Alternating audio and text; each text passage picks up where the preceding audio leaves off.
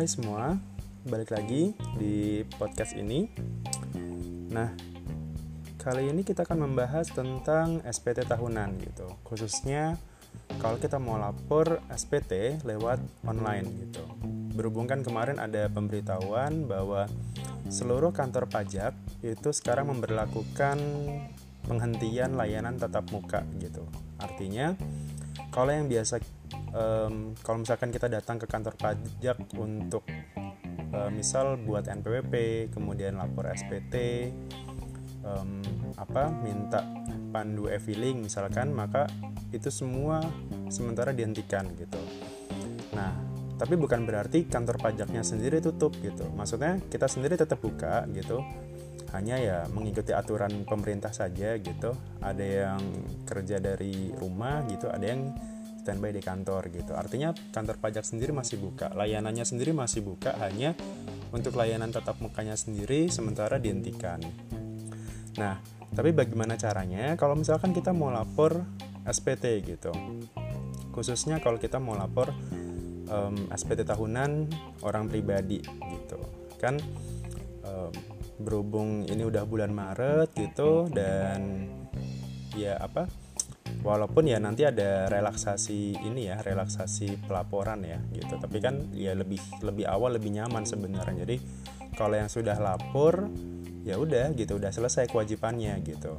Terus pertanyaan yang sering muncul gitu e, kenapa sih kita masih harus lapor gitu? Kalau karyawan ya misal saya kan udah kerja kemudian pajak eh sorry gaji saya juga sudah dipotong pajak gitu kenapa sih kita masih harus lapor gitu kan? Nah sebenarnya lapor SPT itu sebenarnya bukan sekedar kewajiban gitu tapi juga um, semacam apa sih konfirmasi bahwa saya juga sudah dipotong pajak loh gitu. Jadi uh, misalkan gini saya seorang karyawan misalkan saya seorang karyawan di sebuah perusahaan kemudian gaji saya sekian juta misalkan. Setiap bulan saya sudah dipotong pajak gitu um, katakanlah berapa misalkan. Nah setiap bulan sudah dipotong pajak. Artinya itu kan perusahaan harusnya memberikan uh, semacam bukti potong ya. Jadi uh, setiap perusahaan itu pasti akan memberikan bukti potong seharusnya bukti potong pajak di akhir tahun bilangnya atau di awal tahun berikutnya. Nah itu untuk mengkonfirmasi bahwa penghasilan yang anda dapatkan itu sudah dipotong pajak gitu. Jadi misal gajinya 10 juta misalkan. Kemudian sudah dipotong pajak setiap bulannya katakanlah ya 100 ribu misalkan. Maka eh, dari mana saya membuk bisa membuktikan bahwa saya sudah dipotong pajak 100 ribu tiap bulan? Ya dari bukti potong tadi gitu. Jadi perusahaan ada kewajiban ke Anda untuk memberikan bukti potong itu gitu. Nah, bukti potong itu sendiri buat apa gitu? Ya, pertama, Anda simpan bukti potong itu bahwa itu menunjukkan bahwa Anda sudah dipotong pajak gitu. Anda sudah secara secara kewajiban pembayaran pajaknya Anda sudah terpenuhi gitu karena sudah dipotong oleh pihak perusahaan. Nah, tinggal Anda mengkonfirmasi, Anda eh, apa istilahnya cross check gitu. Bener nggak pajak saya yang 100 ribu tiap bulan itu sudah dipotong pajak sama perusahaan. Dengan cara apa? Ya dengan lapor SPT tahunan gitu. Jadi uh, bukan sekedar kewajiban apa kenapa sih kita masih harus dipot apa masih harus lapor? Sementara saya sendiri sudah dipotong misalkan maka sebenarnya itu untuk cross check gitu. Dan fungsi SPT tahunan sendiri kan nggak cuman itu sebenarnya gitu. Karena di SPT tahunan sendiri di situ ada ada jumlah penghasilan, kemudian jumlah yang dipotong pajak berapa, sumber penghasilan kita tuh dari mana saja misalkan gitu. Karena bisa jadi gini, saya seorang karyawan misalkan. Kemudian di luar sana saya juga punya usaha lain misalkan. Saya punya katakanlah uh, jualan all shop misalkan atau punya punya ya butik misalkan. Kan itu bisa aja ya. Nah, itu kan sebenarnya juga ada pajaknya juga gitu. Nah itu yang harus kita laporkan juga gitu. Jadi e, mengkonfirmasi ini loh sumber-sumber penghasilan saya yang ini ini dan ini gitu. Kemudian di situ juga di SPT tahunan juga mengkonfirmasi adanya harta yang kita miliki gitu. Jadi e, di kolom SPT itu kan salah satunya ada daftar harta dan daftar utang ya. Nah itu untuk mengkonfirmasi saja gitu. Misalkan kira-kira harta saya ini yang saya miliki apa aja sih? Misalkan ada rumah kendaraan barang elektronik dan sebagainya gitu. Utang juga sama. Misalkan pak uh, saya punya rumah gitu. Tapi rumahnya masih KPR gitu. Ya silakan aja. Rumahnya kita akui sebagai harta kita. Sementara kalau utang ya kita akui sebagai sorry KPR tadi ya kita akui sebagai utang gitu. Jadi nggak masalah gitu. Nah paling nanti ya kita sandingkan aja dan cross check aja dengan uh, apa jumlah penghasilan kita gitu. Kira-kira masuk akal tidak gitu. Misal katakanlah dengan misal tadi gajinya 10 juta misalkan. Oke kita cross check aja hartanya kira-kira berapa gitu. Nah itu untuk untuk uh, eh, cross check aja sih antara wajib pajak antara anda dengan para petugas pajak gitu. Jadi kita ya terbuka kan gitu. Jadi toh juga asas pajak sekarang itu kan self assessment ya. Artinya kita sendiri yang mendeklar gitu. Berapa sih penghasilan saya? Berapa pajak saya? Harta yang saya miliki apa saja? Itu kan semuanya kita declare sendiri melalui SPT tahunan. Kita kita nyatakan sendiri ini loh eh, harta saya ini loh penghasilan saya gitu. Nah tinggal dari petugas pajaknya tinggal membuktikan gitu apakah ini benar atau salah gitu. Jadi ya sepanjang sepanjang apa tidak ada data lain ya maka kita anggap itu sebagai benar gitu. Jadi jangan nggak usah takut. Misalkan aduh nanti kalau saya lapor nanti ketahuan deh omset saya segala macamnya berapa gitu. Ya memang itu seharusnya kan gitu. Maksudnya anda sendiri punya penghasilan gitu. Kenapa nggak diutarakan saja? Kenapa nggak uh, ya kita apa sih kita laporkan aja semuanya gitu kan kalau emang bener ya udah ngapain ngapain risau gitu. Nah itu e, biasanya yang ter sering terjadi sih. Jadi kita masih udah udah bayar bahkan kita udah bayar pajaknya kenapa masih harus lapor gitu. Untuk tadi salah satunya ya untuk cross check kemudian declare juga gitu kita punya harta apa saja penghasilannya apa saja gitu.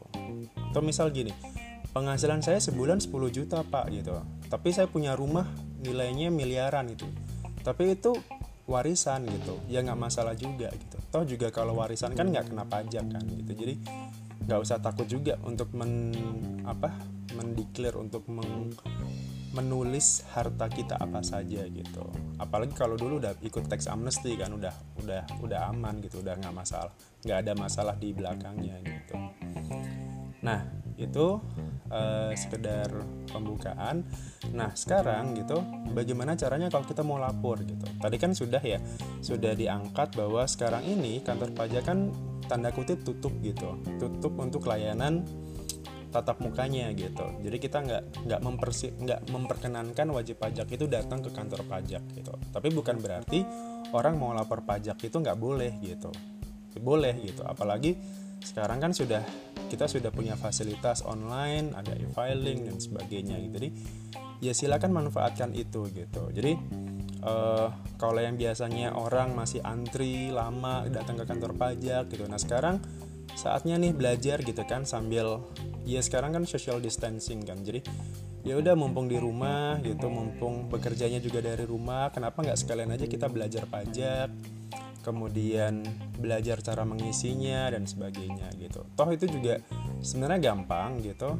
Dan satu lagi nggak usah takut gitu, maksudnya uh, di kantor pajak itu ada yang namanya AR, akun representatif gitu. Jadi uh, fungsinya atau tugasnya ya salah satunya mengedukasi gitu. Jadi kalau misalkan saya nggak, Pak saya nggak ngerti cara lapornya gitu, saya nggak nggak tahu cara menghitungnya gitu. Ya udah cukup cukup ke bagian helpdesk silakan tanya ke AR-nya gitu uh, atau ke bagian helpdesk tadi. Itu saya yakin pasti akan dijelaskan kok dengan sangat detail dan benar gitu saya yakin gitu. Dan ya kita kan nggak diperkenankan untuk apa uh, memberikan uh, biaya kan jadi semua layanan itu gratis gitu. Jadi nggak masalah juga gitu. Maksudnya datang aja gitu. Jadi nggak usah takut gitu. Daripada misalkan kita uh, minta bantuan ke orang lain yang belum tentu benar juga kan gitu ngurusnya gitu. Nah tadi uh, kalau misalkan kita mau lapor sekarang kita mau lapor pajak tapi kita nggak tahu caranya gitu. Atau uh, apa aja sih yang harus dipersiapkan kalau kita mau lapor SPT gitu. Khususnya kalau yang akan kita bahas sekarang adalah kalau misalkan kita mau lapor SPT tahunan orang pribadi gitu. Khususnya kalau kita sebagai karyawan gitu. Atau nanti juga ada orang pribadi yang yang usaha. Nah yang pertama gitu um, untuk lapor online anda harus punya kuncinya dulu gitu. Jadi kayak kayak online itu kayak sebuah rumah misalkan maka untuk masuk sebuah rumah itu kan kita harus punya kuncinya nah kuncinya itu namanya EFIN Electronic Filing Identification Number. Nah, e-filing ini kunci, uh, sorry, e-fin ini fungsinya kayak tadi membuka rumah gitu, rumah online itu gitu. Nah, caranya gimana gitu? Kalau dulu gitu sebelum ada himbauan untuk penghentian layanan ini, maka cukup aja datang ke kantor pajak di mana Anda tinggal atau di mana Anda terdaftar gitu. Jadi misal kita lagi di di Surabaya misalkan ya udah datang aja ke Surabaya ke kantor pajak di Surabaya gitu. Atau kalau pas di tempat kerja ada kantor pajak ya udah cukup datang aja ke situ gitu. Uh, tinggal minta permohonan Evin selesai. Nah Evin itu syaratnya apa aja gitu. Yang pertama anda harus punya email terlebih dahulu gitu. Email apa pun kita sarankan ya kalau misalkan punya email perusahaan silakan pakai email perusahaan. Kalau misalkan mau pakai email gratis misalkan dari Gmail, Yahoo, Outlook dan sebagainya silakan gitu. Yang penting anda bisa membuka akses itu gitu. Anda bisa buka email tersebut gitu. Karena sering terjadi gitu eh, Pak saya mau buat Evin gitu tapi bahkan email saja belum punya misalkan nah itu yang agak susah gitu kita harus mengedukasi bahwa untuk mendapatkan Evin, Anda harus punya email yang aktif terlebih dahulu dan bisa dibuka gitu. Apalagi kan kalau sekarang hampir semua ya manusia lah gitu kan sudah punya smartphone kan gitu. Dan di smartphone ini kan pasti ada layanan emailnya. Jadi harusnya sih eh, nggak eh, terlalu repot untuk membuat email gitu. Nah berikutnya adalah yang harus dipersiapkan tentu saja punya NPWP gitu. Karena nggak mungkin kita mau lapor kalau nggak punya NPWP kan gitu. Jadi ya NPWP itu ya ya ya pasti ada lah harus ada gitu. Kalau nggak nggak punya NPWP ya ngapain lapor pajak gitu. Nah berikutnya tadi setelah NPWP email kemudian KTP yang kita ambil dari KTP-nya adalah nomor NIK-nya karena kita butuh untuk sinkronisasi data gitu jadi uh, NIK ini NPWP ini nomor EVIN-nya ini gitu. Jadi nanti kita butuh sinkronisasi datanya di situ. Jadi ya cukup melampirkan KTP saja kan di situ sudah ada nomor NIK-nya kan ya. Uh, nah berikutnya nomor handphone yang aktif gitu. Jadi uh, saya yakin juga semua yang yang lapor udah pasti punya apa punya nomor handphone lah gitu. Bahkan kan jarang ada yang cuma punya satu ya pasti dua atau dan sebagainya. Tapi yang salah satu aja sih yang aktif intinya yang bisa dihubungin sewaktu-waktu. Gitu. nah itu untuk itu untuk uh, mendapatkan Evin gitu mendapatkan kunci tadi gitu. Jadi anda harus punya NPWP kemudian um, email kemudian nomor handphone dan uh, nick KTP tadi gitu. Nah setelah itu anda punya Evin, silakan anda simpan gitu. Jangan sampai anda lupa gitu. Kenapa? Karena Evin ini sendiri nomornya akan selalu sama. Jadi dia nggak akan berubah. Sama seperti nomor NPWP. Nomor NPWP itu nggak akan berubah sekarang gitu. Jadi nomornya akan tetap selalu sama kayak gitu dan dia berlakunya seumur hidup gitu. Maksudnya tidak seperti KTP sekarang udah seumur hidup ya. Ya nggak ada yang perpanjangan gitulah nggak ada paspor sim dan sebagainya gitu. Jadi ya dia nomornya akan selalu sama gitu. Nggak kalau misalkan rusak dan sebagainya cukup diganti aja nanti. Jadi Evin ini ya jangan sampai lupa gitu. Sering kalau saya sih sering meng, apa, menyarankan simpen simpen aja di kontak gitu. Di kontak apa handphone gitu namain aja eh, feeling pajak misalkan. Di situ isinya ada nomor NPWP kemudian password e-feelingnya kemudian e-fin kemudian email dan password emailnya misalkan kalau kalau kita lupa gitu. Jadi yaitu minimal ya NPWP password uh, username-nya nanti. Username-nya kan NPWP jadi NPWP kemudian password e-filling dan e-fin gitu. Minimal tiga itu nah oke. Okay, nah setelah setelah kita dapat e-fin gitu langkah berikutnya apa gitu? Ya kita simpan dulu ya. Kuncinya tadi yang penting kan kita udah dapat kuncinya nih. Uh, udah dapat kunci rumahnya tadi ya tinggal kita buka aja gitu. Nah sebelum kita buka kuncinya kan kita harus mempersiapkan sesuatunya ya barang-barangnya kan harus disiapkan dulu kan gitu. Kayak misalkan kalau kita mau ngisi rumah gitu kan pasti harus ada barang-barangnya kan gitu. Kasur perabotan dan sebagainya gitu. Nah um, hal-hal yang harus harus dipersiapkan setelah itu adalah yang pertama anda harus punya tadi bukti potong gitu. Ini khususnya kalau dia karyawan ya. Jadi bukti potong itu fungsinya adalah ini tadi menunjukkan bahwa ini loh saya sudah dipotong pajak dari perusahaan saya. Ini loh penghasilan saya selama satu bulan sekian juta. Kemudian pajak saya sekian juta misalkan atau sekian ratus ribu misalkan. Nah itu semua harus itu dilampirkan gitu. Kalau misalkan ada lebih dari satu ya silakan dibawa semua. Gitu. Jadi atau ya silakan di scan semua ya kalau elektronik ya. Gitu. jadi atau juga sekarang di perusahaan-perusahaan besar itu jarang yang pakai kertas sih udah paperless semua sih gitu. Di kantor juga udah pakai paperless sih. Nah jadi itu disimpan aja PDF-nya misalkan uh, bukti potong itu gitu. Kalau ada 12 bulan misalkan kalau ada 12 bukti potong ya itu itu disimpan semuanya gitu. Atau yang cuman satu misalkan bukti potong itu ada yang namanya 1721A1, ada 1721A2 gitu.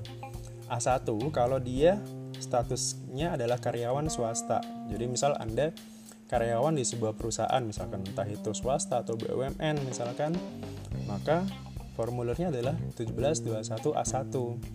Tapi kalau Anda statusnya adalah seorang ASN, kemudian TNI, Polri, maka bukti potongnya itu adalah A2 1721 A2 tapi selain itu juga ada bukti potong lainnya sih. Misalkan kayak uh, ada PPA final PPA pasal 21 tiap bulan misalkan. Itu pokoknya semua bukti potong pajak itu harus anda simpan gitu. Nah kalau misalkan pertanyaannya pak saya nggak punya bukti potong gitu. Nah anda harus minta ke perusahaan terlebih dahulu gitu. Karena kewajiban perusahaan selain memotong dan menyetorkan pajak anda anda akan diberikan bukti potong gitu loh. Karena itu sebagai bukti. Ya namanya bukti potong ya. Ya itu sebagai bukti bahwa anda sudah dipotong pajak gitu. Kalau misalkan nggak nggak bisa buatnya gimana? Ya udah silakan aja konsultasi terlebih dahulu gitu. Pak e, perusahaannya gitu. Pak perusahaan saya mau buat bukti potong pajak gitu. Caranya gimana? Nah kita pasti akan ajarkan kok. Ada aplikasinya. Dan itu gampang sih gitu. Yang penting datanya lengkap ya. Maksudnya ada data pegawai, data penghasilan tiap bulan berapa dan sebagainya. Itu penghitungannya juga sederhana kok. Nah, jadi itu dokumennya. Jadi bukti potong pertama. Kemudian apa lagi gitu. Selain bukti potong, Anda juga harus mempersiapkan uh, tadi ya NPWP jelas gitu. Berikutnya adalah daftar-daftar harta gitu. Maksudnya gini, uh, harta itu nggak nggak mesti yang besar gitu ya misalnya kayak rumah tanah gitu. Nggak mesti gitu. Misalkan kalau kita punya kendaraan misalkan punya motor misalkan itu juga terma itu juga harus dilaporkan gitu. Kita punya tabungan daftar harta di SPT itu ada banyak sih mulai dari uang tunai tabungan deposito tanah rumah gitu. Bahkan ada yang kapal pesiar dan sebagainya gitu kan. Ya kalau orang super kaya kan hartanya bisa macam-macam kan gitu. Jadi ya udah itu dilap, di, dilaporkan gitu. Nah buktinya apa gitu? Misalnya ini sih nggak perlu dilampirkan gitu. Cukup ditulis aja. Nanti misalkan gini rumah misalkan saya melaporkan sebuah rumah gitu. Ya udah cukup dilaporkan. Kapan saya dapat rumah itu? Belinya kapan misalkan? Atau pada saat itu kita bangunnya kapan gitu? Kemudian nilainya pada saat itu berapa? Jadi harta yang dicantumkan nilai harta yang dicantumkan adalah nilai pada saat kita peroleh gitu. Entah itu pada saat kita beli atau misalkan kalau kita bangun pada saat itu nilainya berapa sih habisnya gitu. Jadi nggak nggak nilai saat ini ya tapi nilai pada saat itu. Dan buktinya apa ya?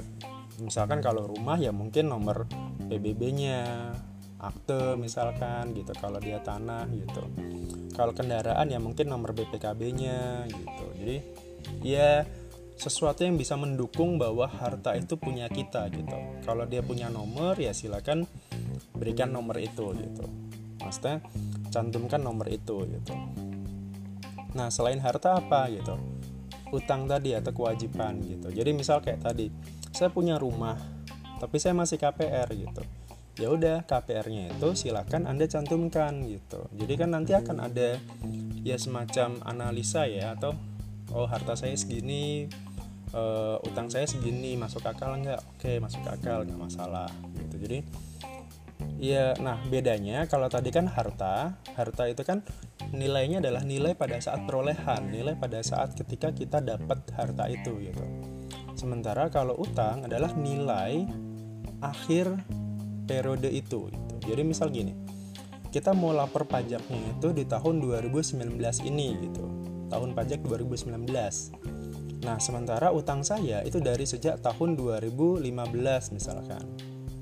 Nah, kira-kira sisa hutang yang didapat atau yang masih harus dibayar per Desember 2019.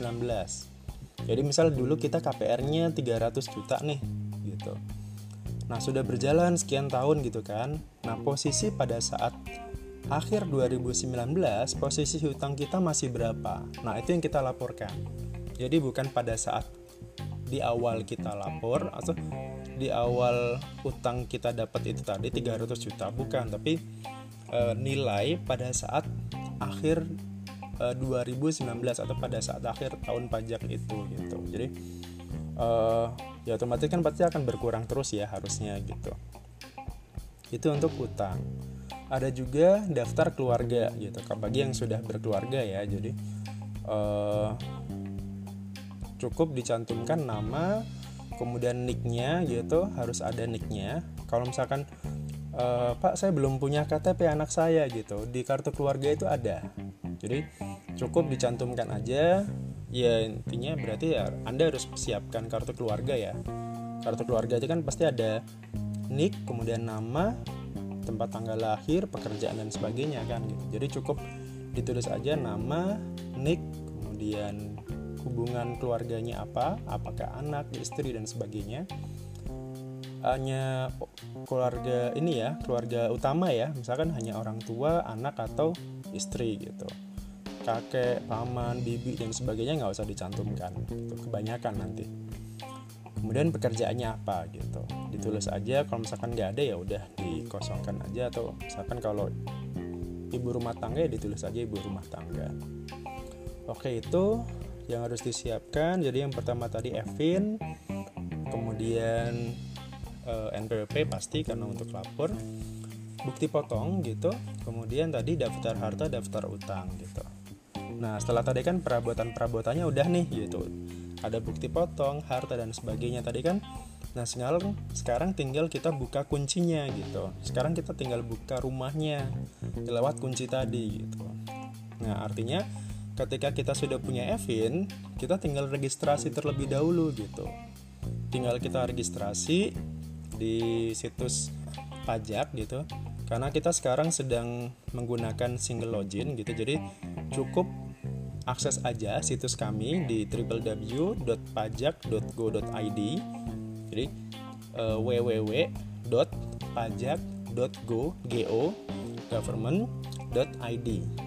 nah di situ di pojok kanan atas di situ ada tulisan login. Nah di situ anda login terlebih dahulu. Bagi yang sudah punya kuncinya tadi atau bagi yang sudah pernah registrasi ya silakan tinggal login gitu. Nah bagi yang baru pertama kali, bagi bagi apa bagi yang mau mau buka pintu tadi mau buka kunci tadi nah kita harus registrasi terlebih dahulu gitu. Jadi tinggal klik login tadi di situ di bawahnya kan ada anda belum registrasi nah silakan registrasi dahulu. Nah fungsinya Evin ini pada saat itu. Jadi pada saat kita registrasi kita harus memasukkan nomor Evin kita yang kita peroleh tadi ya gitu. Jadi kita harus memasukkan NPWP kemudian nomor Evin kemudian setelah itu ada verifikasi. Kira-kira sudah benar tidak alamat email sama nomor handphonenya itu sudah sudah benar gitu. Karena barangkali misalkan pada saat input data ada yang salah misalkan. Harusnya uh, pakai F ditulisnya pakai V misalkan atau harusnya ada titiknya ternyata nggak ada gitu ya. Itu kita harus pastikan dulu alamat emailnya benar gitu. Karena kalau nggak ya itu nggak akan berhasil registrasinya gitu. Karena nanti registrasinya akan diarahkan ke email. Setelah registrasi selesai ya cek di emailnya ada link aktivasi. Nah setelah aktivasi setelah link akunnya aktivasi akun akun DJP kita, akun pajak kita sudah teraktivasi, maka tinggal kita login aja. Nah, eh, hal yang sering terjadi adalah kalau kita lupa password. Sering kali kan saya, Pak saya udah lapor pajak nih tahun lalu gitu pakai e-filing gitu. Saya mau lapor lagi gitu. Cuman saya lupa password gitu. Nah, itu yang sering terjadi ya. Makanya tadi saya sarankan tolong dong gitu di disimpan di phone booknya gitu. Di phone booknya email kemudian NPWP password e-fillingnya dan e-finnya gitu. Jadi biar kita nggak lupa lah gitu. Uh, nah jadi kalau misalkan kita lupa gimana gitu? Cukup uh, kalau kita lupa ya tinggal kita klik aja lupa password kemudian masukkan e-fin lagi gitu. Jadi e-fin ini fungsinya ada dua gitu. Pada saat registrasi dan pada saat lupa password setelah itu ya nggak digunakan lagi gitu. Jadi makanya ya itu kuncinya gitu.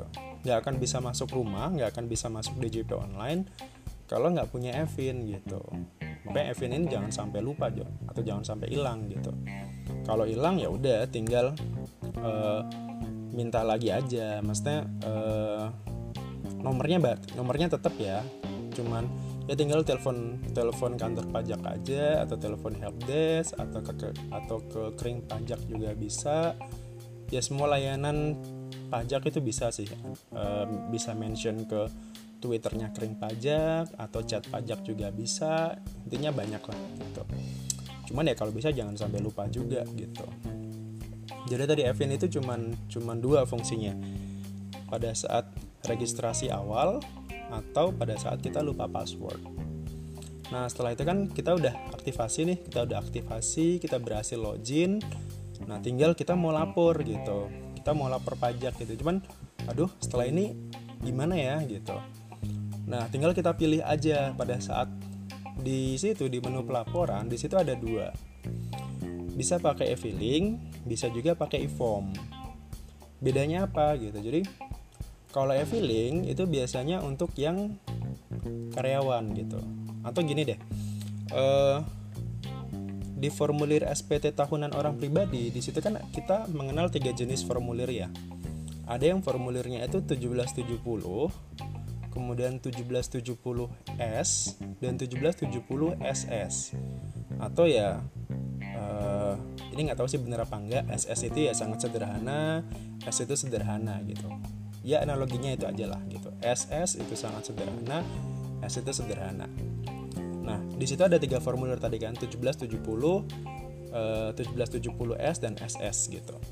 Nah bedanya apa gitu? Tadi uh, untuk yang S dan SS itu biasanya terkait kalau kita bekerja uh, di suatu perusahaan atau uh, kalau bahasa undang-undangnya adalah kalau kita memiliki penghasilan dari pemberi kerja. Jadi kalau misalkan kita bekerja ke ke orang lain misalkan contohnya gitulah. Kita bekerja ke orang lain entah itu swasta entah itu negeri PNS TNI Polri tadi ya gitu. Maka SPT yang kita pilih adalah 1770S atau SS gitu. Jadi misalkan saya nih PNS misalkan atau ASN gitu maka saya formulirnya adalah 1770S atau SS gitu atau karyawan bank misalkan atau TNI Polri maka uh, yang Anda pilih atau formulirnya adalah 1770S atau SS. Nah, yang membedakan antara SS dan S adalah dari sisi penghasilan brutonya, penghasilan kotor Anda. Kalau yang S, sorry, kalau yang SS itu adalah kalau penghasilan Anda uh, selama satu tahun penghasilan brutonya itu kurang dari 60 juta jadi kalau di atas itu maka Anda tidak maka Anda harus menggunakan yang S, jangan yang SS gitu. Jadi ya kalau 60 juta setahun itu artinya ya kurang lebih sekitar 5 juta sebulan ya. Gitu. Jadi eh, kalau kurang dari itu maka tapi ini penghasilan kotor ya gitu. Maksudnya uh, kalau penghasilan bersih 60 ya berarti kan harus pakai SS gitu. Sorry harus pakai S gitu. Jadi tapi kalau misalkan gini Pak saya mau penghasilan saya setahun hanya 50 nih. Tapi saya mau pakai S gitu. Wow kita dengan senang hati gitu. Jadi nggak mesti misalkan oh penghasilan di bawah 60 harus pakai SS misalkan. Nggak mesti. Silakan aja bagi yang penghasilannya di bawah 60 juta uh, apa boleh pakai S gitu. Bedanya apa sih gitu? Bedanya hanya dari sisi uh, detail detail uh, lampirannya. Kalau yang SS itu cuman ya jumlah bruto berapa pengurangnya berapa, kemudian total harta berapa, total utang berapa, udah selesai, nggak ada rincian apa pun gitu. Jadi ya istilahnya hanya satu lembar aja gitu. Sementara kalau yang 1770 S itu dia ada um, tiga lembar induk lampiran satu lampiran dua gitu jadi di situ ada daftar harta daftar utang daftar keluarga kemudian sumber penghasilan kita dari mana saja, kemudian pajak yang sudah dipotong berapa, bukti potongnya ada apa enggak gitu. Jadi dia lebih detail sih gitu. Jadi kalau misalkan e, Pak saya mau S aja gitu biar lebih detail ya silakan. Kami merasa terbantu kalau itu gitu. Nah, itu yang S dan SS. Nah, yang terakhir yang tadi yang 1770 itu berarti ya di luar itu berarti. Jadi uh, kalau misalkan pekerjaan saya katakanlah dokter misalkan dokter pengacara atau yang sifatnya pekerjaan bebas ya. Artinya uh, kita nggak bekerja dari uh, apa ya istilahnya itu ya pekerjaan bebas sih. Intinya kita punya profesi lah gitu. Atau ya kita kita wirausaha gitu kita pengusaha gitu. Uh, atau ke, penghasilan kita itu dari usaha kegiatan usaha gitu. Maksudnya kegiatan usaha itu ya bisa dagang bisa bisa jasa dan sebagainya gitu. Maka itu lapornya menggunakan 1770 nah kalau kita konversi ke online tadi gitu maka untuk yang S dan SS itu silakan Anda pilihnya e-filing Sementara kalau yang 1770 itu nanti konversinya diarahkannya ke yang e-form. Jadi ada 1770S dan SE silakan nanti anda pilihkan anda pilihnya ke e-filing kemudian kalau yang 1770 itu silakan anda pilih yang e-form. Bedanya tadi ya e, dari sisi jumlah formulir dari sisi sumber penghasilan gitu. Kalau yang 1770 atau yang e-form itu sumber penghasilannya dia lebih kompleks. Maksudnya dari dari kegiatan usaha ada atau dari tadi profesi misalkan dokter, notaris, pengacara dan sebagainya gitu. Sementara kalau yang S dan SS itu biasanya dari satu pemberi kerja atau kita bekerja ke orang lain misalkan entah itu perusahaan, swasta ataupun e, pemerintah gitu. Nah, sementara tutorialnya sendiri, nah kita sudah punya channel di DJP gitu silakan Anda buka YouTube, kemudian cari channel kami di Ditjen Pajak RI gitu. Nah, di situ ada tutorial untuk masing-masing jenis tadi, masing-masing ada 1770 S, SS dan 1770 gitu. Baik itu yang pakai e-form atau yang pakai e-filing. Jadi silakan Anda pilih yang mau yang mana. Di situ sudah sangat jelas sih uh, apa tutorialnya dan gampang juga gitu intinya tadi ya uh, kita punya Evin kemudian punya email. Nah email ini penting sih karena nanti semua korespondensi itu melalui email. Maksudnya kan kita udah lapor nih gitu. Misalkan kita udah selesai lapor gitu. Buktinya apa sih? Kita udah lapor. Nah buktinya itu dikirimkan melalui email. Jadi makanya tadi jangan sampai kita punya email tapi kita sendiri nggak bisa bukanya gitu. Itu yang itu yang kita nggak bisa bantu ya. Maksudnya kayak pak uh, saya lupa password email saya. Nah itu kan ya kita nggak tahu ban kita nggak bisa bantu ya. Kan kalau lupa password e-filing ya kita bisa lah gitu bantu tadi Evin tadi kan. Tapi kalau kita lupa password email ya mana kita tahu gitu kan. Makanya sebisa mungkin uh, alamat emailnya aktif dan bisa dibuka gitu. Jadi karena di situ ada korespondensi gitu. Jadi bukti penerimaan elektroniknya itu dikirimkan ke alamat email gitu. Jadi semuanya udah paperless sih. Jadi nggak usah nggak usah repot-repot misalkan harus ngeprint dan sebagainya gitu. Jadi cukup di nah kalau yang tadi yang kayak bukti potong ya itu tinggal di scan aja. Kalau yang masih fisik ya tinggal tinggal di scan aja. Nanti kita upload di di e-form gitu atau di uh, e-filing gitu.